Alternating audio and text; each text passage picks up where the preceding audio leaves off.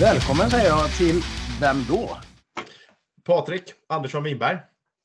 Eh, boende i Göteborg. Spelar i bandet Dun Ringill. Numera eh, väl det bandet jag spelar i aktivast i just nu i alla fall. Och varit ett, några år. Okej, så Ja. du, har- du spelar med i flera band? Jag gör det. Jag har ett annat rock'n'roll-band mer på hobbynivå som heter Super B69. Som är ett rock'n'roll-band alla AC/DC Ghost, Ramones Ghost, Dr. Feelgood. Och där, där gjorde vi bara covers i början, men det slutade vi med. Så nu har vi 14 egna låtar där också. Coolt! Sen har jag lite privata projekt där jag spelar in eh, egen musik hemma och plockar in gästfolk liksom också. Ja, ja. Men- Men det är lite mer allt, allt country, americana, så, att, så jag är ganska bred i vad jag pysslar med. ja. Men det är Dan Ringill som är mest aktuellt, eller? Ja, absolut. Det är, det är liksom prio ett på alla plan egentligen. Ja. Nej, men då koncentrerar vi oss på det då. Låter alldeles utmärkt, det tycker jag också. Ja. Eh, bandet startade 2017. Ja, Eh, berätta gärna hur idén till bandet kom till. ja jag får vandra bakåt i tiden då, så hade jag och sångaren Thomas GG Eriksson i Dunringill. Vi hade ett annat band ihop som hette Doomdogs gjorde vi två skivor med och sen så hamnade en, ja, det blir som det blir. Att man, det var kul och sen tröttnade man och så la vi ner det. Och när det slutade så kände jag, både jag och Thomas, att vi var inte färdiga med varandra. Så vi sa att på sikt så ska vi göra något nytt ihop. Men då hamnade jag i ett annat band som heter The Order of Israfel som tog fart och var väldigt aktivt i några år. Eh, och sen när det tog en paus och då hörde jag mig till igen till Thomas och vi har ju alltid varit i kontakt och är goda vänner verkligen. Så då sa jag, ska vi köra nu? Och då sa han, japp, nu kör vi. Eh, och då startade vi det här projektet och från början var det nog tänkt som ett thrash doom folkmusiksprojekt med Jethro Tull-influenser. Eh, och eh, vi plockar väl bort efterhand thrash-momentet, men det är doom folk med Jethro Tull-influenser. Det, det fastnade vi och där, där är vi idag. Mm. Och, och då blev det att jag och Thomas ville starta och då hörde vi av oss lite folk och kom igång med projektet helt enkelt. Grymt! Eh, Ja. Så där någonstans var födelsen av Downringle. Ja, men just bandnamnet då? Mm. Hur eh, kom det till och vad betyder det? Eh, Dunringill är ett järnåldersfort på Isle of Skye i Skottland. Eh, och där bodde eminente Ian Anderson, granne till sångare, låtskrivare, flöjtist i Jethro Tull i många år. Och han har en låt på en skiva som heter Stonewatch och den låten heter Dunringill. Och jag och eh, Thomas då, vi är stora Jethro Tull-fan och då sa vi att Dunringill, där har vi vårt namn i vårt framtida projekt. Så det var med ifrån första planeringen. Så det, det har vilat tills 2017 och då plockar vi upp det. Helt enkelt. En kort historia. Ja. Ja, intressant. ja. Eh, vad, vad är det för bandmedlemmar i bandet? Mm. Eller vem, vem är det?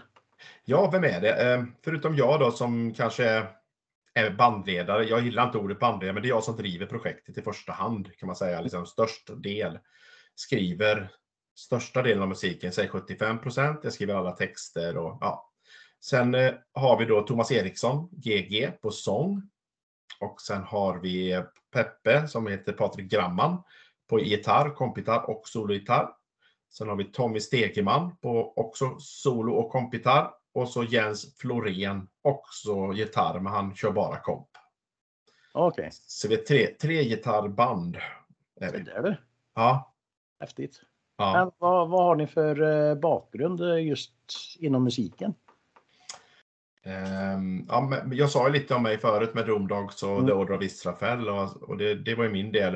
Eh, GG då är en gammal thrash-människa som var med i ett av de första thrashbanden i Göteborg som heter Intoxicate. Jaha, Eh, som är återförenade och har gjort några skivor. Ja, du känner till dem kanske? jajamän. Ja. Sen var han faktiskt ses- session, svårt ord, session-trummis till Grotesk också. På, deras, på deras skiva. Som, eh, om inte alla vet, så vet, det vet de säkert, men det blev ju sedermera At the Gates av det.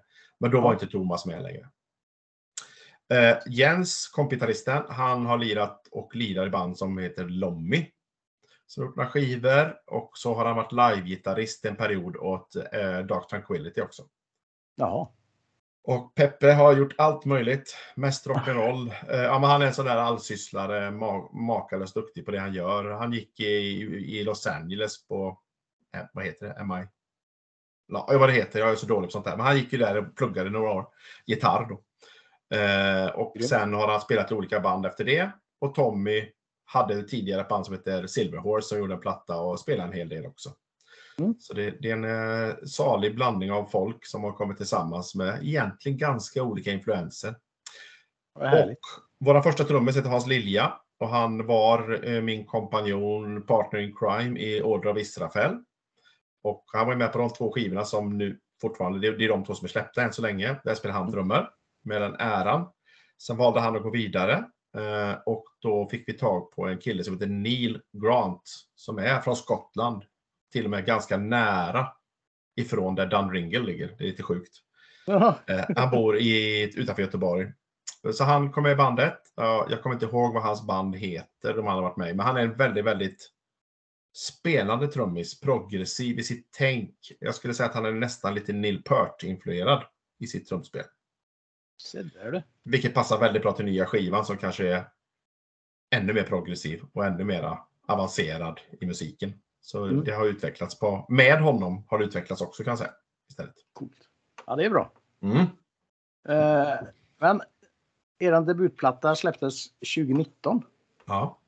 Welcome heter ja. den. Ja. Uh, hur, hur mottogs den uh, utav kritiker och recensenter och så? Ja, först bakgrunden till skivan är att vi hade det var meningen att det skulle bli en EP. Vi hade fyra låtar. Och eh, jag har mycket kontakter i branschen sedan tidigare då, men framförallt Israfel. Så att eh, vi spelade in dem på, som vi ville ha dem, så skickade vi ut dem. Och det var flera bolag som var intresserade, men alla sa att EP är liksom ingen grej idag, utan ni behöver göra en fullängdare.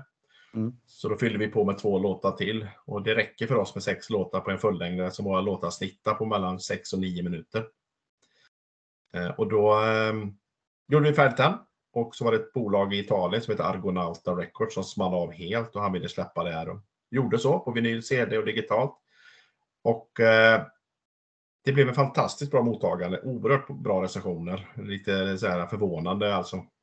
Man vet ju aldrig, man kastar sig ut Nej, precis. stup någonstans känns det som. att eh, Så sticker vi ut lite kanske med att vi lägger in folkmusikinfluenser i Dom och vi har tvärflöjt på någon låt och hit och dit. Det händer lite saker. Mm.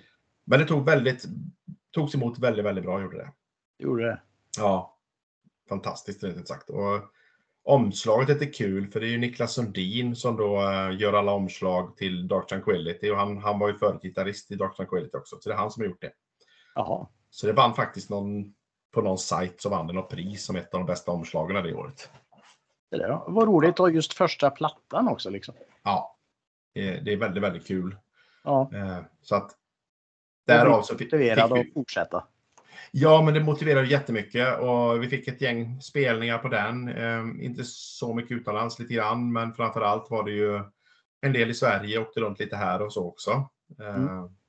Men det gav ju verkligen mer smak och vi kände att nej, vi fortsätter och kör på. Nu ska vi fan göra en andra skiva också som blir ännu bättre då. Härligt. Ja. Ja. Men du pratade om att ni hade en eh, hel del spelningar eh, i Sverige i alla fall. Ja. Eh, vart, vart i Sverige har ni varit? Vi har varit i Stockholm, Göteborg, Malmö. Eh, och sen numera så har vi även varit i Norge och Danmark och lite sådana saker. Och nu framöver har vi fler spelningar på gång. Då, så att, eh, men det var mycket Göteborg, en del Stockholm och sånt var det. Mm. Som du nämnde Norge där också. Ja, det blev efter skiva två. Eh, då åkte vi på turné, eh, kortare Europa, eller Skandinavien-turné, eller Sverige, Norge, Danmark med Church of Misery. Mm. Så då var vi i Köpenhamn på loppen, så var vi i Göteborg och sen åkte vi till Oslo, Bergen och Stavanger också. Var det. Se där. Ja. ja. Oslo måste ha varit häftigt. Ja, ja, ja. Det är ja, fantastiskt. Ja. Fantastiskt kul alltså. Härligt. Nej, jag är från Norge, det är därför. Är du det? Ja, vad härligt. Ja, ja. Ifrån, ifrån Oslo? Nej, åtta mil söder om Oslo. Horten heter det. Jag vet precis vart det ligger. Du gör det? Ja, eh, min eh, särbos dotter bor i Horten. Jaha, ja, det ser man. Amalia Stepperud. Stepperud. Hon är fotograf, hårdrocksfotograf också, så att du kan nog känna till henne kan jag tänka mig. Ja, just det. Det var hon som var sambo med... Stig. Stig. Just det. Ja, stämmer. Så där, världen Ja. är liten. Ja, Men gud. Häftigt. ja, Ja. Så du, kan, du, kan, du kan se henne i våran video The Door på första plattan. Där är det hon som har huvudrollen. Grymt. Nej, där ser man. Herregud. Men har du något kul att berätta just för någon eh, efter någon spelning eller så här? Oj. Verkligen Eh, ihåg. eh, ska vi se här. Ehm. Eller något pinsamt som har hänt som man skrattar åt nu. Ja du, eh, oj det var jag lite tagen på sängen. Eh, jag har väldigt mycket historier från de olika banden så jag blandar ihop dem lite grann. Så att det Ja. är lite där det kommer. Men just med Dan Ringill så har det varit ganska stabilt. Jag hade en, ja den är ganska rolig. Vi har, det är alltid kul att dricka lite öl när man åker på turné sådär. Men vi har en, en sån begränsning att vi dricker bara ett par öl innan spelning. Vi är väldigt seriösa med det vi gör liksom. Det är ingen partyresa. Men så var det en i bandet, ingen nämnd, men Tommy hette han visst, som tyckte det var väldigt kul att dricka öl när vi åkte från Oslo till Stavanger. Och då åkte vi vid nio på morgonen och då gjorde vi upp en deal med honom att okej Tommy, du får dricka öl. Klockan två slutar du. Ingen öl efter 14.00. Och det är ju en bra resa för man får åka runt där och du känner ju till det absolut. Så vid tvåtiden så ryckte vi liksom kassen. Nej, då var det slut på öl och han blev lite irriterad på oss. Men eh, vad fan, det är kul, jag är i form nu liksom. Ja, vi ska spela ikväll. Så vi ryckte kassen och då satte sig Tommy och blev su- tjurig, sen stensomnade. Sen så när vi var framme så var det ju lugnt. Så eh, blev det inga speciellt med fler öl innan den spelningen och så var det full fart på serien igen. Så det var det, lite begränsat och seriöst. Men börja, börja nio på morgonen alltså. Ja, jag tror han inte tog första ölen förrän kanske klockan tio då. Så att det, Men gud. ja. Ja, ja.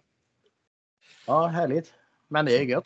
Kanske? Ja, ja men det är lite, lite scoutresa är när man åker ut på turné också. Men man får ju passa sig lite så man inte missar, tappar bort sig på det man är ute för att göra också. För det vill man ju liksom. Ja, jo. Det är klart. Man har ju själv varit på spelningar där artisterna varit alldeles för berusade och det är liksom ingen god känsla när man går därifrån och känner att man har blivit snuvad på någonting känner jag. Nej. Nej, men så är det. Så att, Tyvärr så eh, är det väldigt vanligt.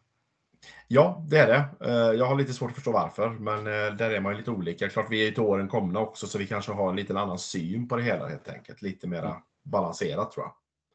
Jo, men så är det. Hade jag varit 22 så kanske jag hade skitit i vilket och bara kört på liksom. Eh, Det gjorde man väl till viss del också när man var ute och spelade då också, men kanske det är på ett annat sätt nu känner jag bara. Ja, precis. Jag kommer ihåg ett band jag skulle se här i Trollhättan. Eh, sångaren var en halvtimme sen tror jag. Han satt här i baren. Ja, då vet jag inte. Då, då kan man nog göra något annat tror jag, än att spela. Mm.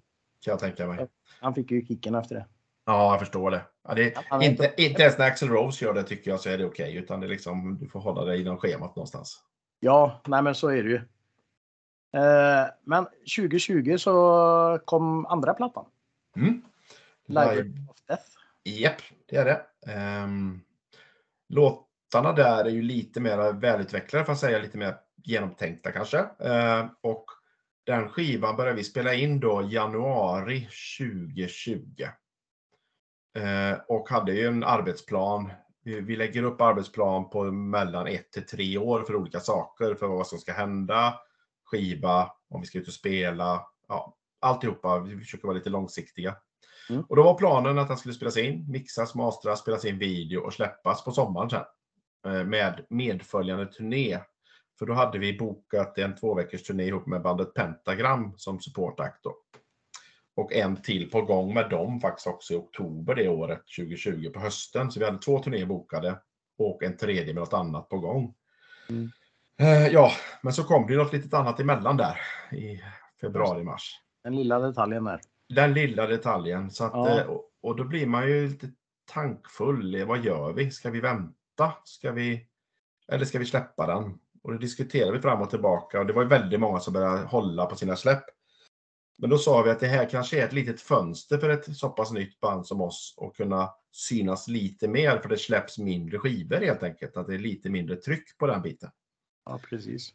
Och då kände vi att nej, men då gör vi det. Liksom. Vi, vi kör på, våran plan gäller. Eh, Förutom då turnéerna som, det visste vi inte i februari-mars att de skulle bli inställda eller flyttade. Mm. Men ehm, så vi gick vidare, gjorde video och förberedde allt som vi skulle och det blev marknadsföring genom bolaget, samma skivbolag. Och eh, en del intervjuer och annat och sen släppte vi skivan då i slutet på juli. Men då visste vi ju redan att eh, då var ju turnéerna flyttade ett år. En blev sedermera inställd och nästa där, den ska bli av i år, är det tänkt i oktober. Då. Um, men... Nu håller vi verkligen tummarna. Ja, det hoppas jag på. Det, är med Pentagram igen och vi har ett gäng spelningar med de bokade där. Som jag, jag har tre stycken officiella än så länge. Det är de i Sverige, Malmö, Stockholm, Göteborg. Det okay. kommer några till, det kan bli fler också. Eh, men då, då, då fick vi ännu mer eh, uppmärksamhet i tidningar och väldigt mycket recensioner och det var ännu bättre recensioner och det var ju liksom den svåra andra skivan på något sätt. Det är ju det där att första entusiasm, låtar som är skrivna under en längre period. Det är det klassiska, att första skivan är kanon, andra kanske lite sådär, tredje, det är då det det svåraste, då man ska bevisa om man är något eller inte. Där ja, är vi nu då, men det tar vi sen. Eh, men andra skivan blev oerhört bra mottagen. Alltså om vi fick, säg 7 av 10 i snitt på första så var vi uppe på 8 av 10 i snitt i Europa på den. Oj! I, ja, väldigt, jag tror det var en sågning som inte gillar Thomas sätt att sjunga, vilket är ganska aggressivt för det var ju doom mm. Han sjunger alltid med mycket melodi, men han har ju det här aggressiva scream-sättet att sjunga på. Då. Jo, men alla kan ju inte älska samma grej liksom. Men så är det ju. Man önskar ju det, men så är det inte. I alla fall ska Nej, de, önska, de ska älska det vi gör i alla fall. Ja, alla ska göra det. Ja, ja alla. alla. Eh, nej, men så det, det, var kul liksom, att det blev så bra mottaget och det var skithäftigt. Och sen valde vi att göra tre, fyra spelningar på hösten. Göteborg i eh, min födelseort Larv utanför Vara. Spelade vi på en liten musiklada där. Det var det coolaste vi har gjort någonsin. Alltså. Ja, det var så häftigt. Eh, det är en musikbutik som ligger i en gammal lada ute i skogen. Vara musikbutik. I Larv alltså? Jajamän.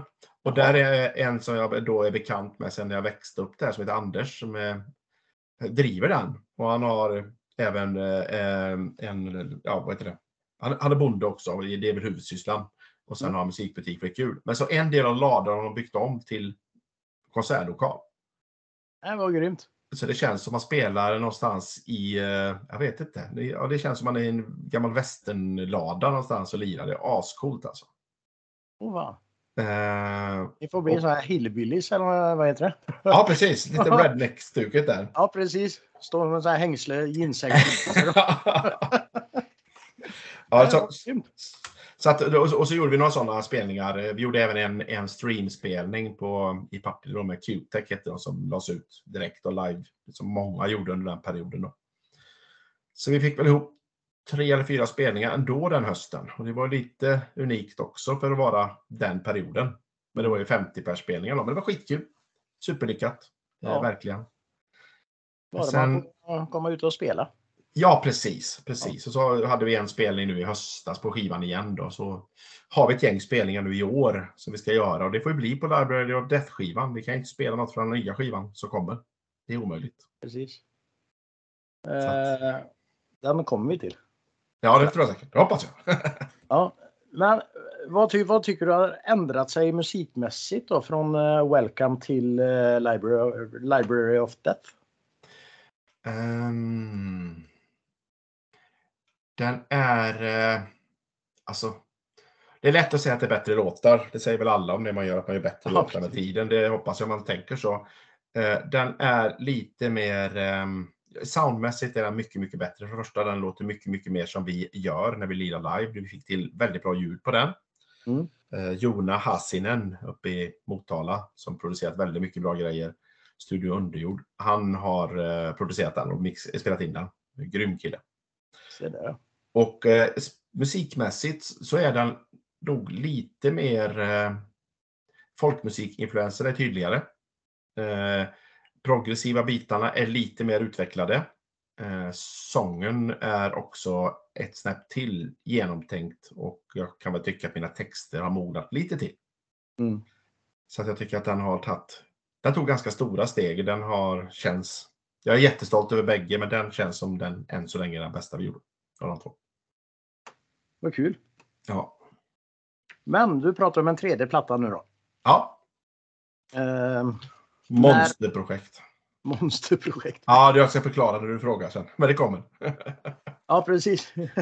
Men när, när planeras den att släppas? Tanken, arbetsplanen säger oktober. Oktober? Mm. Eh, men där eh, ligger lite förseningar i inspelningen och eh, det är lite grann vilket Ja, vi har lite snackar med lite fler bolag just nu som är intresserade så att vi vill landa först vilket som är bäst.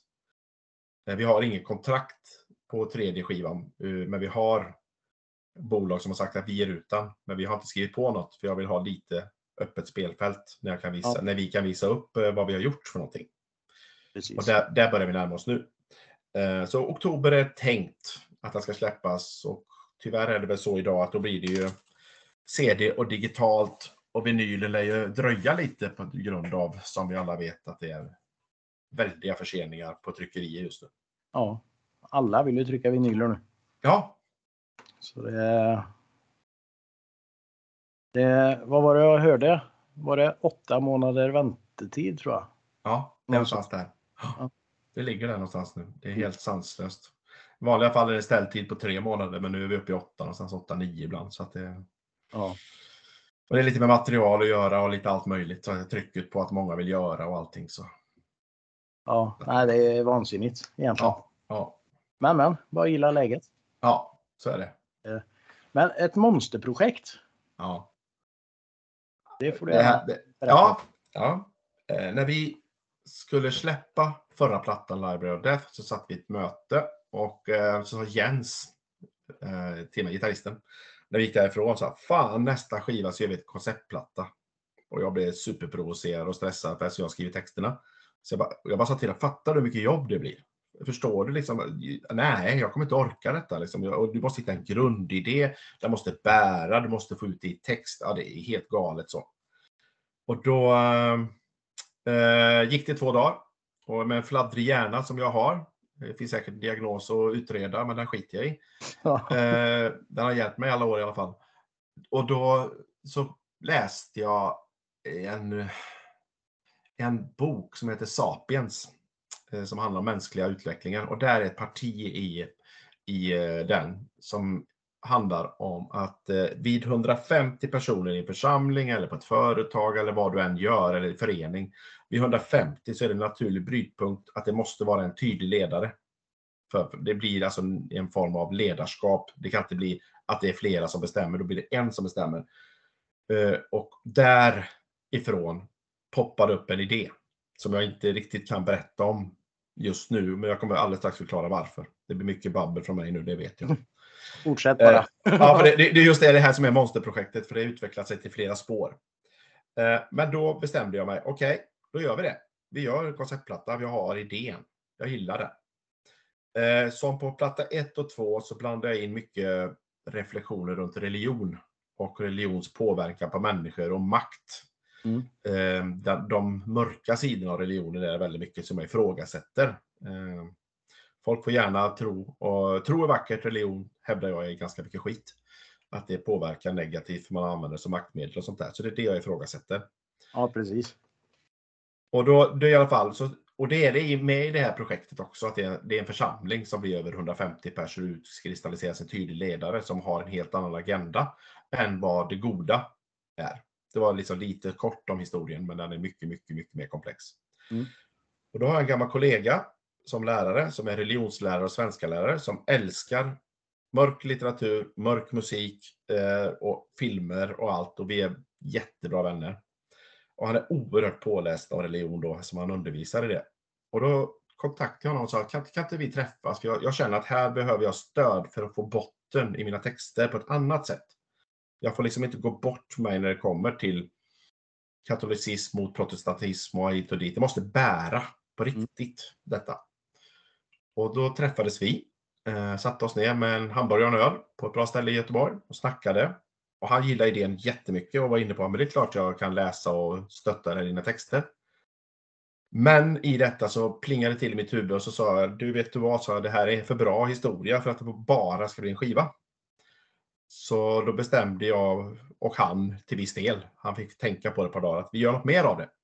Vi gör en bok också. Och eh, han blev jättestressad. Han är poet, han skriver dikter men har aldrig skrivit bok. Jag har aldrig skrivit bok. Eh, men jag älskar att kasta mig ut för stup.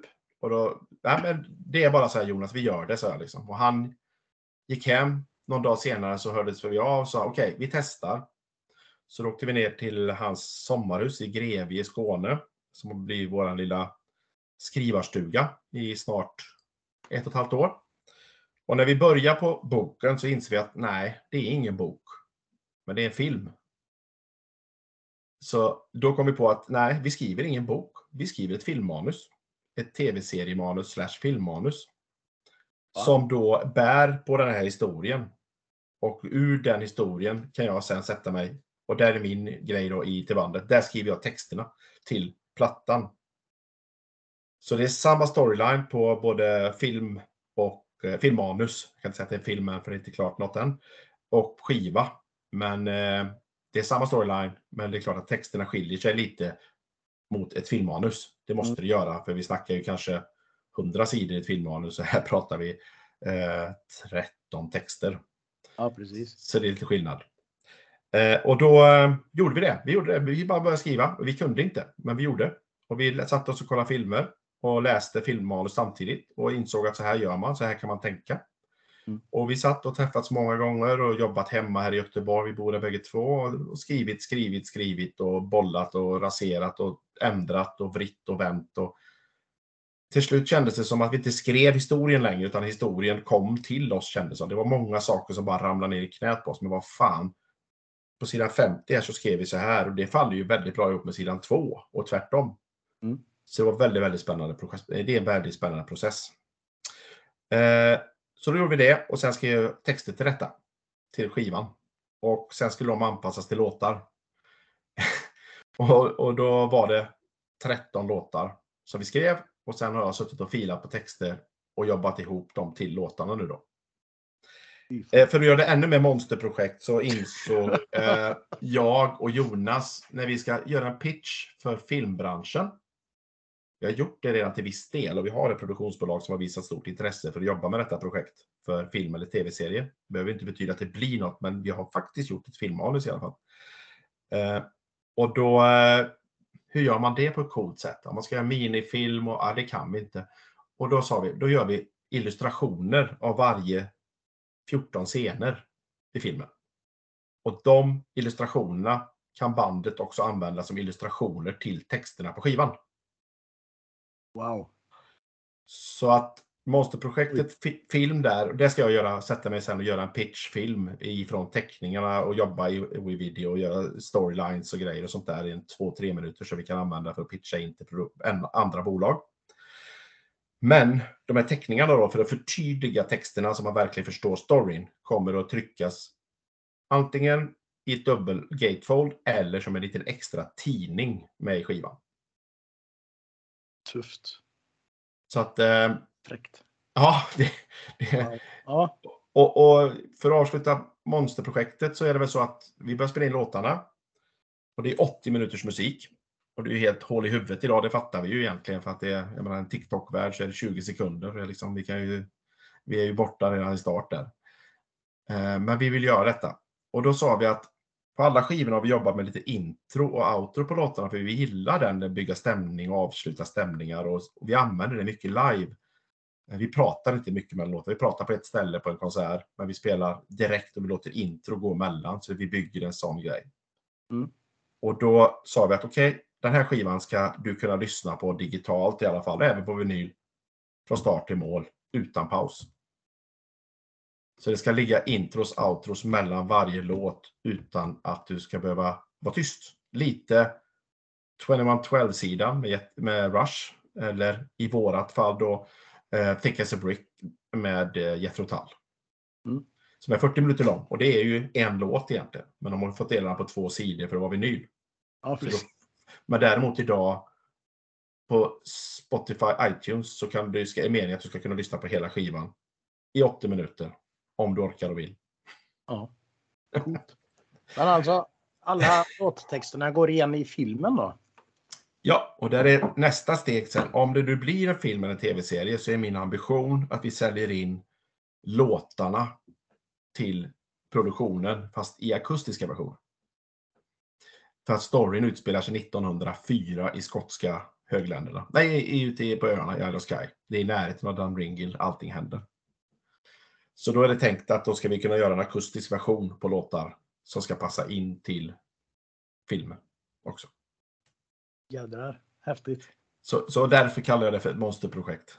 Det förstår jag att du gör. Sicket arbete.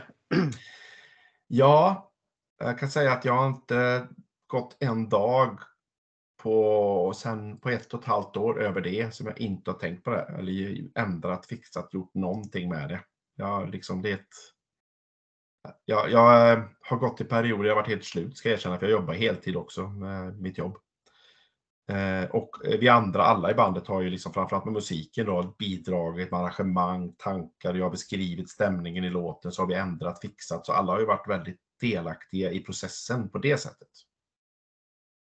Så att, eh, ja, det har varit mycket jobb.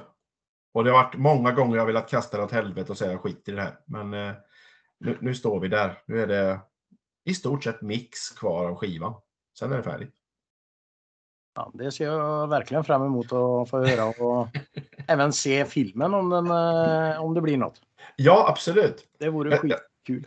Jag såg en, en bild som jag plockade ner som eh, och det är en bild på. Jag kan, nu vet jag att det är podd, jag visar dig där. Och då står det så här, if you don't really listen, you will never understand. Nej, precis. Och, där har du liksom lite av den tanken med den här skivan. Om du inte går in i hela projektet och ger det en chans på 80 minuter så kommer du inte riktigt förstå den. Nej. Men sen kan du tycka att en låt är kanon och så räcker det med den. Det vet jag ju själv med konceptskivor. Allt gillar jag inte. Nej. Ja, men så är det ju. Men jag förväntar mig dåliga recensioner. Bara för att vi sticker ut hakan och gör något så idiotiskt som det här. Och eh, recensenter kommer tycka vi har fått hybris och vad fan pysslar de med? Och, ja. Men det, ja. det, det, det är okej. Okay. Ja, vi får se. ja. Eh, men hur tog ni vara på dödtiden under pandemin som var? I vårat fall fanns det ju ingen dödtid för då jobbar vi med det här. Ja, ni började under pandemin. Vi började, ja, vi började direkt efter då den sommaren 2020 då, när vi släppte skivan. Mm. Eh, jag hade börjat skriva en del musik redan innan till platta 3, men då tog det fart.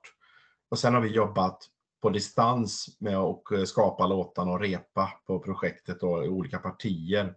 Och sen när vi började spela ihop igen, då kunde vi liksom gå in i den processen ordentligt.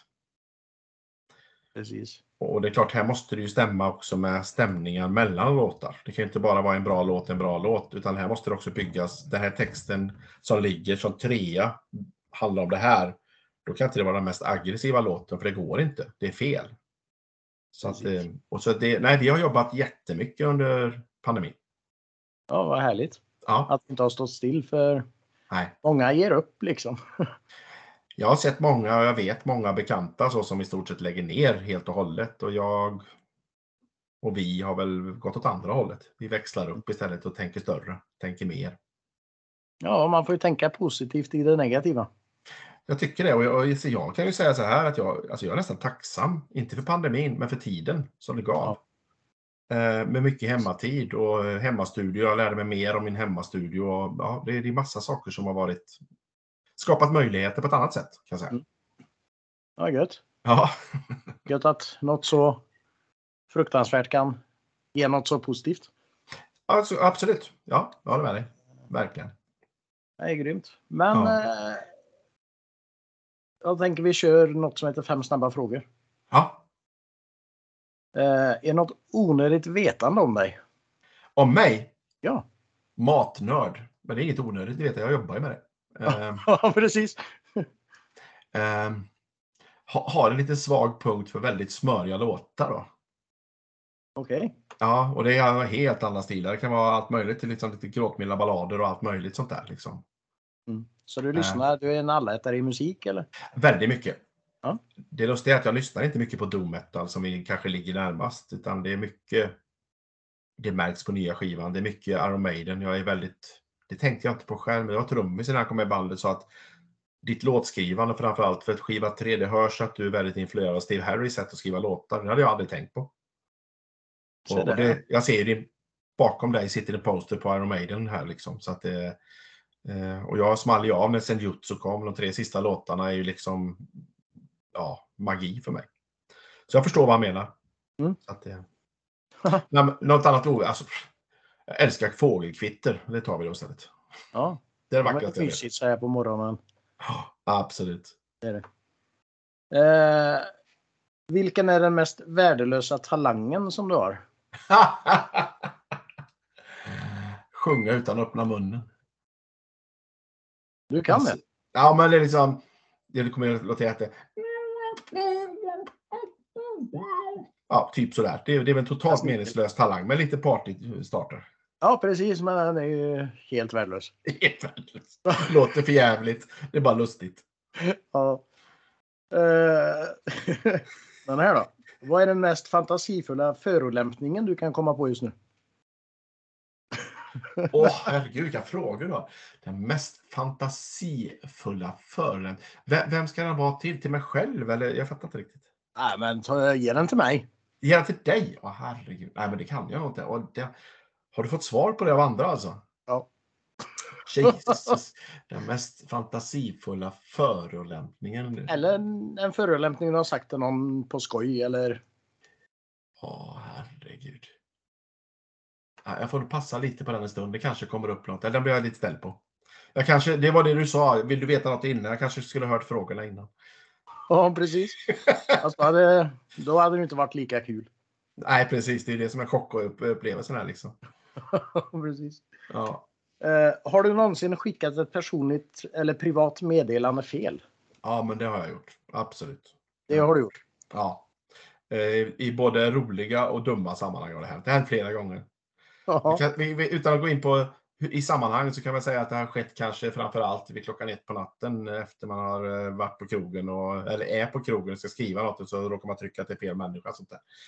Så det, Det är men det, har, aldrig, aldrig, aldrig gjort så att det har blivit totalt kaos. Har det aldrig blivit, men det, det kunde blivit. Jag har, lärt, jag har lärt mig hur man tar bort meddelanden också. ja. Ja, men det var någon bandkompis jag råkade skicka till. Jag skulle, jag skulle skriva till en annan, så skrev jag till den istället som det handlade om. Men jag skulle inte skicka till den. Liksom. Oh, shit! Ja. Ska du vakna och läsa det här? Det är inte illa menat, men det kan läsas illa. Eh, det var väl tanke. Åh, stress, ta bort. Jobbigt. Men inte det här bandet, det var ett annat. Ja.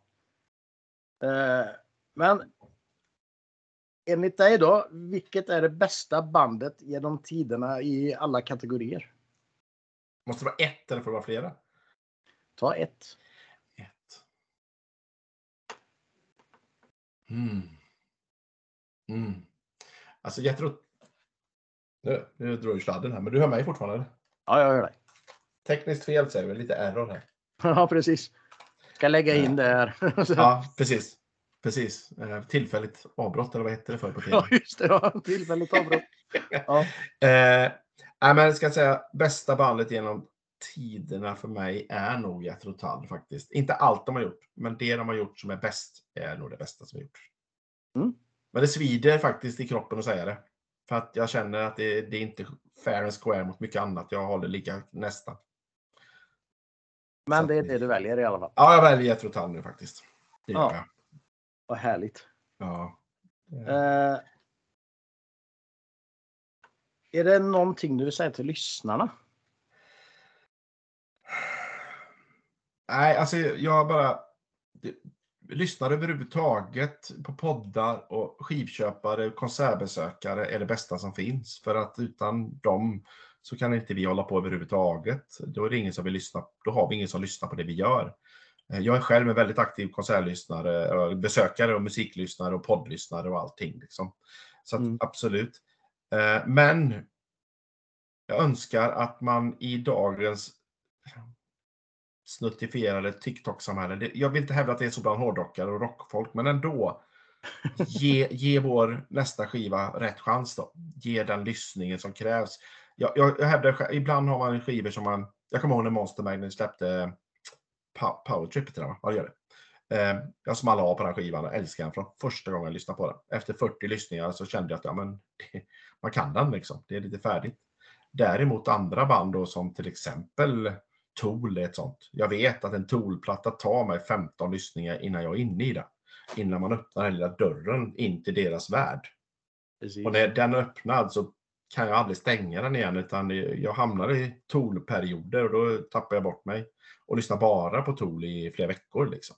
Mm. Vilket är härligt nu när jag ska åka till Oslo och se dem snart. Så att det, Ja, trevligt. ja. Så att, nej men, ge, ge musiken rätt lyssning, rätt tid, aktiv, aktivt lyssnande skulle jag säga. Men jag Mm. tror just våran, det du pysslar med, våra genrer av musik och det, det folket gör det på ett annat sätt.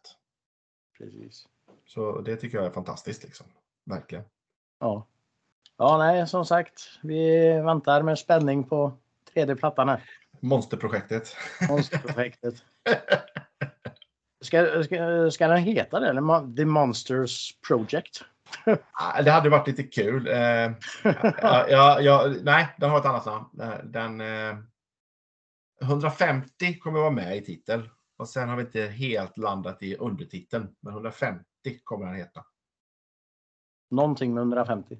Jag har även idéer om att varje låt inte ska ha en siffra 1, 2, 3 utan den ska ha olika. Varje låt, till exempel låt 1 heter 7 och låt 2 heter 14, låt 3 heter 74. För att det Ja. har en innebörd med en bakgrund till story. Så siffrorna har en innebörd med. Ja, med Wow. story och med sektmentalitet och lite sånt där. Men det är inte helt laddat och det går och är vettigt eller smart att göra. Men jag vet inte om hela projektet är så smart så att det kanske går att göra då. Jo, men det låter ju grymt. Ja, men det känns som att det är, vi har tänkt stort, vi har tänkt långt, vi har tänkt mycket och vi har tänkt att det är samma med instrumenteringen. Eh, Vi har haft Per Wiberg på keyboard på varje platta, han är med nu med. Eh, Vi har med en tjej på fiol på nya skivan. Det hade vi lite grann förra och annan. Tvärflöjt kommer tillbaka, mellotron kommer tillbaka. Alltså vi, vi har sagt att Alltså grejen är att man spelar band, ibland säger man att ja, men det måste gå att spela live som det låter. Ja, det har jag också hävdat, men nu vi skiter i det i det här bandet. Vi gör det vi vill. Och behöver vi något av det här sen live, då får vi väl plocka loss det på någon spår och använda det som backing track och ha. Vi vill inte spela med backing tracks, men ibland för en effekthöjare kan man göra det. Mm. Så all in. Det är all in på alla plan då. Verkligen storyline till eh, inspelning till allt. Omslaget också. Så att det är liksom. Ja, det blir tufft. Ja. Shit. Ja, det får snart bli oktober nu då. Eller nej, inte än.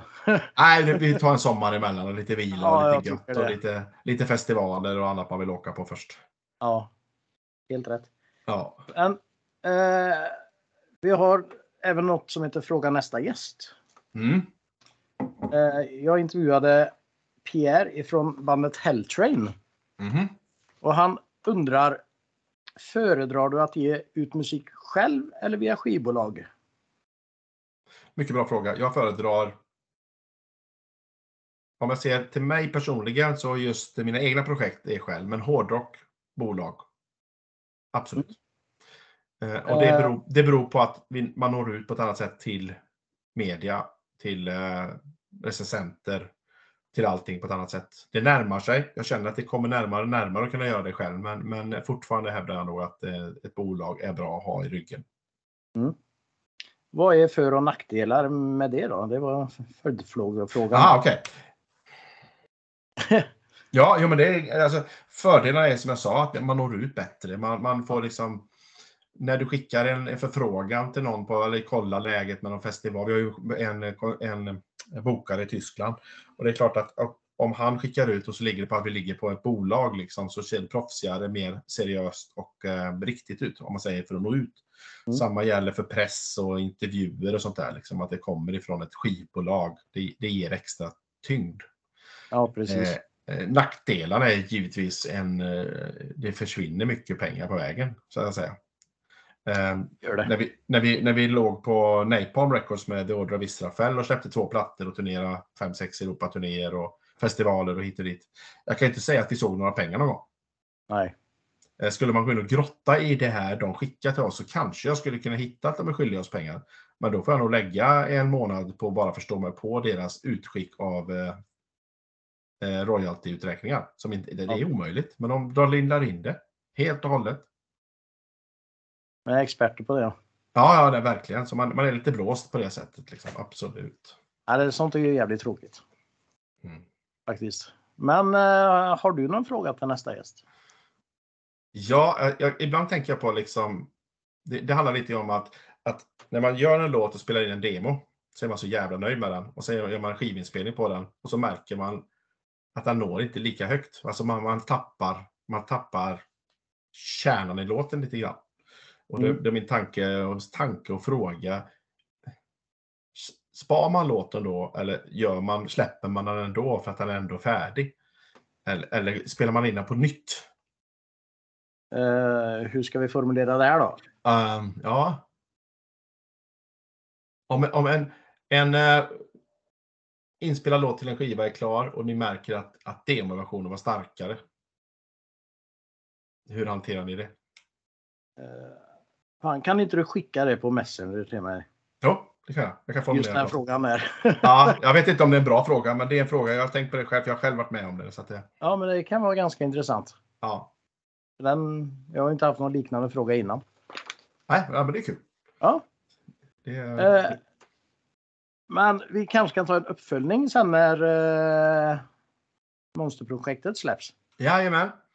Och då är det mycket möjligt att jag kanske har mer information även om det blir tv-serie, tv-seriefilm. För nu är det liksom slutställande för det görs utskick på det också på ett annat sätt. Eh, Det, det förväntar jag mig inte. Skivan blir av, det vet jag.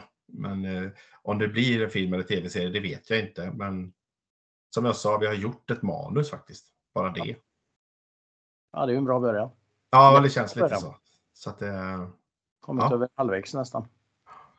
Ja, sen är, eh, absolut, och vi har ett antal spelningar till dess också så att eh, kanske vi kan ses någonstans både i, ja, lite överallt. Stockholm och Göteborg och vi ska till Malmö och det är allt möjligt. Mm. Inget i Trollhättan dock än. Vi har inte riktigt fått upp kontakt där med backstage känner jag. Så att det, Nej, han är lite en upptagen man, Freddan. ja, ja, men så är det. Det är inga Nu konstigheter. är det ju, nu är det ju liksom alla spelningarna som skulle ha varit under pandemin som De går först. kommer nu då, tyvärr. Ja, ja, Eller tyvärr, det är ju bra för han, men ja. det är tyvärr för alla andra band som vill ut och spela. ja, det blir lite. Det är som festivaler. Man visste ju det redan i år att ja, ja, det är ingen idé att söka någon festival för alla festivaler är bokade och klara. Det är bara att flytta till två år. Ja. I stort sett alltså. Så Precis. man får fokusera. Och det är väl därför vi känner att nästa skiva släpps i höst. Så vi kan vara med på tåget för 2023 i alla fall. Mm. Ja, ambitionen är ju- sig lite med band då. Ja. Ambitionen är ju att vi ska ut mycket i Europa. Det är vår dröm. Liksom mera, mer ut i Europa. Och det, det ska vi redan lite i höst. Men vi vill verkligen ut där. Det är kul. Vad Så det, härligt. ja, men gärna uppföljning. Absolut. Det tycker jag. Men eh, du kan ju höra av dig när det Ja. närmar sig så Jag uppdaterar. oss. Jajamän.